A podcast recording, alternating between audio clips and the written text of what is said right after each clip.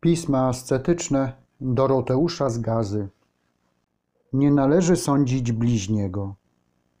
Gdybyśmy, bracia, pamiętali o słowach świętych starców, gdybyśmy się nimi przejęli, to bardzo trudno byłoby nam zgrzeszyć, bardzo trudno byłoby nam zaszkodzić sobie samym.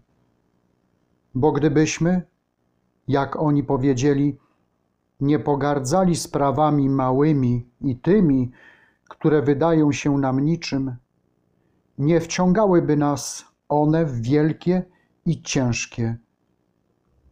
Zawsze wam powtarzam, że to przez te drobiazgi, przez mówienie, cóż to takiego i cóż to wielkiego, głuszy się sumienie i dochodzi się do lekceważenia ważnych spraw.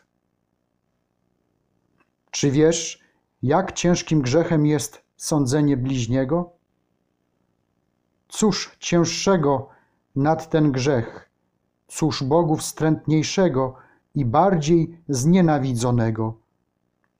Mówili ojcowie, że nic gorszego niż sądzić drugich. I w tej sprawie od rzekomych drobiazgów dochodzi się do wielkich przewinień od przyjmowania drobnych podejrzeń przeciw bliźniemu, od mówienia, cóż to takiego, że posłucham, co mówi ten brat, cóż to takiego, że ja dodam jedno słówko, cóż to takiego, że zobaczę, co idzie robić ten brat albo tamten gość. Poczynając od tego, uczy się człowiek pomijać własne grzechy a plotkować o bliźnim. A stąd dalej zaczyna osądzać, obmawiać, gardzić, a wreszcie wpada sam w to, co osądzał. Bo kto nie myśli o własnych grzechach i nie opłakuje, jak mówili ojcowie, własnego zmarłego, ten już nie potrafi się poprawić, lecz wciąż będzie się zajmował sprawami bliźnich. Nic tak nie gniewa Boga, nie czyni człowieka tak nagim i opuszczonym, jak obmawianie, osądzanie i pogarda dla bliźnich. A czym innym jest obmawianie, czym innym osądzanie i czym innym pogarda? Obmową jest, kiedy się o kimś mówi. Ten a ten skłamał albo rozzłościł się, albo popełnił grzech nieczysty, albo coś podobnego. Już się go przez to obmówiło, bo się mówiło przeciw niemu, opowiadając pod działaniem namiętności o jego winie. Osądzać zaś to mówić. Ten a ten jest kłamcą, albo złośnikiem, albo rozpustnikiem. Przez to się bowiem osądziło samo jego wewnętrzne nastawienie i wypowiedziało sąd o całym jego życiu, mówiąc, że jest takie właśnie i osądzając go jako takiego. Jest to rzecz ciężka. Co innego bowiem jest stwierdzić o kimś, rozzłościł się, a co innego ogłaszać go złośnikiem i oceniać w ten sposób, jak powiedziałem, całe jego życie. A przecież już i to jest ciężką winą osądzać poszczególny grzech według tego, co sam Chrystus powiedział. Obłudniku, wyrzuć najpierw belkę ze swego oka, a wtedy przejrzysz, aby usunąć drzazgę z oka twego brata. Przyrównywał tu grzech brata do drzazgi, a osądzanie go do belki. Oto jak straszną jest rzeczą osądzać straszniejszą może niż wszelkie grzechy popełnić. A tamten faryzeusz, modlący się i dziękujący Bogu za własną sprawiedliwość, nie kłamał, lecz prawdę mówił i nie za to został osądzony. Słusznie bowiem dziękujemy Bogu jako temu, który nam pomógł i wspierał nas, kiedy uda się nam zrobić coś dobrego. Nie za to więc jak rzekłem, został osądzony, że powiedział: Nie jestem jak inni ludzie, ale za to, że wskazując na celnika powiedział: Jak i ten celnik, bo w tym momencie zgrzeszył, osądził bowiem samą jego osobę, całe jego wewnętrzne nastawienie, krótko mówiąc, całe jego życie. I dlatego odszedł usprawiedliwiony nie on, lecz celnik. Bo nic cięższego, nic gorszego, często powtarzam, jak osądzać bliźniego i gardzić nim.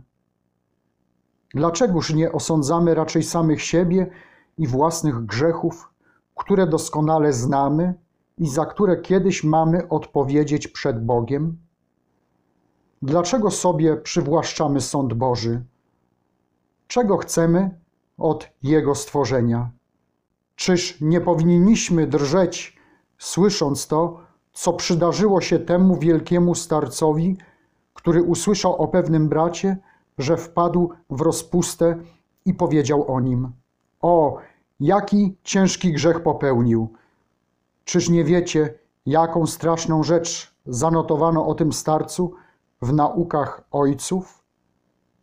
Święty anioł przyprowadził do niego duszę owego brata, który zgrzeszył i powiedział: Oto ten, którego osądziłeś, umarł. Gdzie więc chcesz, abym go posłał? Do królestwa, czy też na zgubę? Czy może być coś straszniejszego niż taki ciężar? Cóż innego mogą oznaczać słowa anioła do starca niż to? Ponieważ to Ty jesteś sędzią sprawiedliwym i grzeszników, powiedz, co zarządzasz względem tej biednej duszy? Zmiłujesz się nad nią, czy też ją potępisz? To też ów święty starzec opłakiwał ten czyn wśród jęków i łez przez całe pozostałe życie i wielką pokutą błagał Boga o darowanie mu winy.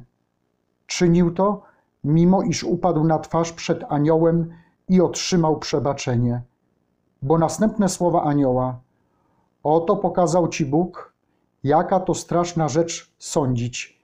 Nie czyń tego więcej. Są słowami kogoś, kto udziela przebaczenia. Mimo to dusza starca aż do śmierci nie chciała się pocieszyć w swoim bólu. Dlaczego więc wtrącamy się do bliźnich? Po co szukamy cudzego ciężaru? Mamy się o co troszczyć, bracia, to jest, aby każdy zadbał o siebie i o swoje grzechy. Do Boga tylko należy usprawiedliwiać i potępiać. On zna wewnętrzne nastawienie każdego, jego siły, jego dzieje, dane mu łaski, jego charakter, jego cechy. On sądzi go z tego wszystkiego tak, jak on tylko sam umie. Inaczej bowiem sądzi Bóg biskupa, inaczej księcia, inaczej przełożonego, inaczej ucznia, inaczej starca, inaczej młodzieńca, inaczej chorego, inaczej zdrowego. A któż może znać wszystkie te sądy, jeśli nie Stwórca, który wszystko uczynił i wszystko zna? Pamiętam, że słyszałem kiedyś o następującym wydarzeniu. Do pewnego miasta zawinął okręt handlarzy niewolników. Była w tym mieście pewna świątobliwa dziewica, bardzo troskliwa o dobro swej duszy. Gdy się dowiedziała o przybyciu okrętu, ucieszyła się, ponieważ pragnęła zakupić sobie maleńką dziewczynkę. Myślała bowiem, wezmę ją i wychowam. Pragnę, aby nie poznała nic ze zła tego świata. Posłała więc po właściciela tego statku. Okazało się, że miał właśnie dwie malutkie dziewczynki, takie, o jaką chodziło tej dziewicy. Natychmiast więc z radością zapłaciła cenę i wzięła jedną dziewczynkę do siebie. Kiedy zaś właściciel okrętu wracał od tej świątobliwej dziewicy, wkrótce spotkał aktorkę bardzo niegodziwą. Gdy ta zobaczyła przy nim drugą dziewczynkę, zapragnęła ją zabrać i faktycznie zabrała. Ustaliła cenę, zapłaciła i z tą, którą nabyła, odeszła. Rozważcie tajemnicę Bożą, rozważcie sąd. Kto może wyrokować o tych sprawach? Oto tamta święta dziewica zabiera dziewczynkę i wychowuje ją w bojaźni Bożej, ucząc ją wszelkich dobrych uczynków, szkoląc w życiu monastycznym i w ogóle w chodzeniu wszelkimi dobrymi drogami świętych przykazań Bożych. Aktorka zaś zabrała tamto biedactwo i zrobiła z niej narzędzie diabła. Bo czegoż innego mogła nauczyć, jeśli nie sztuki gubienia własnej duszy? Cóż więc możemy powiedzieć o grozą przejmującym sądzie nad tymi sprawami? Obie dziewczynki były maleńkie, obie zostały sprzedane, nie wiedząc dokąd. Jedna znalazła się w rękach Boga, a druga wpadła w ręce diabła. Czyż więc można powiedzieć, że Bóg żąda od jednej tego samego, co i od drugiej? Jak to możliwe? Czyż można powiedzieć, jeśli by nawet obie dostały się do domu rozpusty albo popełniły jakiś inny grzech, że obie w ten sam sposób będą osądzone? Nawet choćby ten sam grzech popełniły obie? Jak to przypuścić? Pierwsza została pouczona o sądzie Bożym, o królestwie, dniem i nocą zajmowała się Słowem Bożym. Druga nieszczęsna nigdy nie widziała ani nie słyszała nic dobrego, lecz przeciwnie, wszystko co złe, wszystko co diabelskie. Jakże więc można by stosować do obu te same wymagania? Nie może więc człowiek znać sądów Bożych. Tylko Bóg sam pojmuje wszystko i może wszystko słusznie osądzić. On jeden to potrafi. I rzeczywiście zdarza się, że jakiś brat popełnia w nieświadomości pewne wykroczenia, ale zarazem ma jakąś inną zasługę, która podoba się Bogu bardziej niż całe Twoje życie. Tymczasem Ty zasiadasz, aby go sądzić, i tym szkodzisz tylko własnej duszy. A choćby on dopuścił się grzechu, skąd Ty wiesz, ile przedtem walczył i ile własnej krwi wytoczył, zanim zgrzeszył? Skąd Ty wiesz, czy jego wina nie okaże się jak sprawiedliwość w oczach Bożych? Bóg bowiem widzi, jak mówiłem, jego trudy i cierpienie, przez jakie przeszedł, zanim zgrzeszył. Zlituje się nad nim i przebaczy mu. A kiedy Bóg mu przebacza, a ty go osądzasz, czyż nie gubisz własnej duszy? Skąd wiesz, ile łez później wylał przed Bogiem za swoją winę? Ty grzech widziałeś, aleś pokuty nie dostrzegł. Nie dość jeszcze, że osądzamy, ale nadto i pogardzamy. Bo jak mówiłem, co innego jest sądzić, a co innego znów gardzić. Pogarda jest wtedy, kiedy się kogoś nie tylko osądza, ale jeszcze uważa za nic. Kiedy się brzydzi bliźnim, odwraca się od niego jak od czegoś wstrętnego. To jest jeszcze o wiele gorsze i straszniejsze niż osądzenia. Ci więc, którzy pragną się zbawić, nie zajmują się winą bliźniego, ale zawsze własnymi winami. Ci też postępują w cnocie. Taki był ten, na widok grzeszącego brata, jęczał i mówił: Biada mi, dzisiaj on, jutro na pewno ja. Widzisz rozsądek? Widzisz przytomność ducha? Jak to natychmiast umiał wyrwać się pokusie sądzenia brata, bo mówiąc: Jutro na pewno ja, sam siebie napełniał bojaźnią i troską na myśl o grzechu, który miałby popełnić. W ten sposób unikał niebezpieczeństwa sądzenia i nie poprzestawał na tym, ale jeszcze stawiał się poniżej tamtego, dodając: Ale on przynajmniej pokutuje za swój grzech. Ja zaś wcale nie pokutuję, wcale się nie staram, bo wcale pokutować nie umiem. Czyż widzisz, jakie ta święta dusza miała światło, że umiała nie tylko uniknąć sądzenia bliźniego, ale jeszcze uniżyć się przed nim? A my, nieszczęśliwi, bezmyślnie sądzimy, brzydzimy się, gardzimy kiedy tylko cokolwiek zauważymy lub usłyszymy czy podejrzewamy. Najgorsze jest to, że nie poprzestając na własnej szkodzie, biegniemy do innego brata powiedzieć mu natychmiast: To i to się stało. W ten sposób szkodzimy i jemu, ponieważ zasiewamy mu w serce grzech. I nie boimy się tego, który powiedział: Biada temu, kto poi bliźniego mętami. Wykonujemy robotę diabła i nie przejmujemy się, bo cóż innego ma diabeł do roboty, jak nie burzyć i szkodzić. Okazujemy się więc wspólnikami diabła w pracy nad zgubą własnego i bliźniego. Kto bowiem szkodzi duszy, diabłu pomaga i jemu sprzyja, a kto działa na jej korzyść, współpracuje ze świętymi aniołami. A dlaczego tyle musimy cierpieć, jeśli nie dlatego, że brak nam miłości?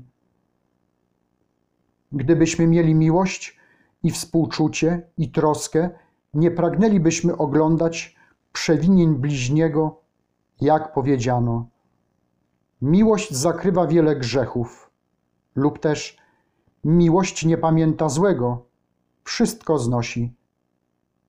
My więc, jak powiedziałem, gdybyśmy mieli miłość, sama miłość pokryłaby każdą winę, jak to robią święci z grzechami ludzkimi, które widzą. Święci bowiem nie są ślepi, widzą oni grzechy. I któż bardziej nienawidzi grzechu niż święci? Ale oni nie odwracają się równocześnie od grzeszącego. Oni go nie osądzają, nie unikają, lecz współczują mu, pouczają go, pocieszają, leczą go jak chory członek ciała i robią wszystko, aby go uratować.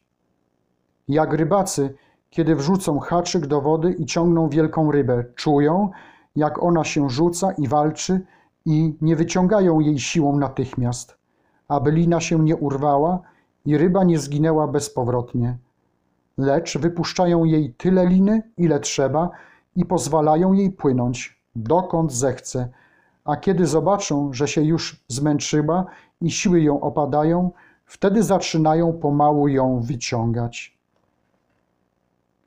Podobnie święci wielkodusznością i miłością pociągają, a nie odpychają brata, nie brzydzą się nim, lecz jak matka, która ma kalekie dziecko, nie czuje do niego wstrętu ani się od niego nie odwraca, ale chętnie je ozdabia i robi wszystko, co może, żeby je upiększyć. Podobnie i oni wciąż się starają, otaczają go troską, biorą go w opiekę, aby tego, który upadł, w stosownym czasie podnieść i nie dać mu zaszkodzić drugiemu, a także, żeby tym samym postąpić w miłości Chrystusa. Cóż uczynił święty Ammonas, kiedy to bracia przyszli wzburzeni i powiedzieli mu: Chodź i zobacz, ojcze, w celi tego, a tego brata jest kobieta. Jak wielką okazał litość, jaką miłość miała ta święta dusza. Zorientowawszy się, że ów brat ukrył tę kobietę w beczce, przyszedł i usiadł na tej beczce i rozkazał braciom przeszukać całą celę. Skoro nikogo nie znaleźli, powiedział im: Niech wam Bóg przebaczy. Zawstydził ich i nauczył na drugi raz nie podejrzewać tak łatwo bliźniego. Jego samego zaś nawrócił nie tylko przez to, że go z pomocą Bożą ochronił, ale i przez to, że go pouczył, kiedy znalazł stosowną chwilę. Bo gdy tylko po odesłaniu wszystkich wziął go za rękę i powiedział: Zatroszcz się o siebie, bracie. Natychmiast ów brat zawstydził się i skruszył. Natychmiast podziałały na jego duszę dobroć i współczucie starca. I my więc zdobywajmy miłość, zdobywajmy litość dla bliźniego, abyśmy się ustrzegli grzechu obmowy, osądzania i pogardy. Pomagajmy innym jak własnym członkom. Któż, mając rany na ręce, na nodze czy innej części ciała, obrzydza sobie tę część ciała i odcina ją, choćby i gniła, a nie raczej oczyszcza, myje, opatruje, przewiązuje, prosi o święte namaszczenie, modli się i prosi świętych, aby się za nim wstawiali, jak mówi ojciec Zosymas. I nie ustaje, nie odwraca się od własnego ciała, ani od jego fetoru, ale robi wszystko, aby wróciło do zdrowia. Tak i my powinniśmy wzajemnie sobie współczuć, pomagać sobie wzajemnie, czy to sami, czy przez innych, zdolniejszych, i wszystkie myśli i czyny kierować do pożytku własnego i drugich. Bo jesteśmy jedni drugich członkami, jak mówi apostoł. Jeśli więc wszyscy jesteśmy jednym ciałem, a każdy z nas członkiem tego ciała, to i w cierpieniu jednego członka współcierpią wszystkie. Za cóż uważacie klasztory? Czyż nie za ciała, których zakonnicy są członkami? Przełożeni są głową. Ci, do których należy troska o kierownictwo duchowe, są oczami. Ci, którzy służą Słowem Bożym, są ustami. Uszami są ci, którzy słuchają, rękami ci, którzy pracują, stopami ci, którzy załatwiają sprawy i mają zlecone różne posługi. Jesteś głową? Zarządzaj. Okiem jesteś? Pilnuj i uważaj. Ustami jesteś? Mów i buduj. Uchem jesteś? Bądź posłuszny. Ręką jesteś? Pracuj. Stopą jesteś? Usługuj. Każdy swoim działaniem służy ciału dla jego zdrowia i niech się zawsze stara wspomagać innych, czy to przez pouczenie i zasianie Słowa Bożego w serce brata, czy przez pociechę w chwili utrapienia, czy przez wyciągnięcie ręki do niego i pomoc w pracy. Wszyscy, każdy według własnych możliwości, starajcie się o jednoczenie się z innymi. Na ile bowiem zjednoczysz się z bliźnim, na tyle również z Bogiem. Powiem Wam jeszcze jeden przykład, wzięty od ojców, abyście zrozumieli cały sens tej nauki. Wyobraźcie sobie na ziemi koło, cyrklem zatoczone i mające środek. Środkiem jest miejsce leżące dokładnie po środku okręgu. Uważajcie na te słowa. Załóżmy, że kołem tym jest świat, a środkiem jego jest Bóg. Promienie zaś idące od okręgu do środka to drogi życia ludzkiego. Im bardziej więc posuwają się święci do środka, pragnąc się zbliżyć do Boga, według tego porównania, tym bliżej są i Boga, i bliźniego. Na ile bowiem zbliżają się do Boga, na tyle również i do bliźniego, a na ile do bliźniego, na tyle i do Boga.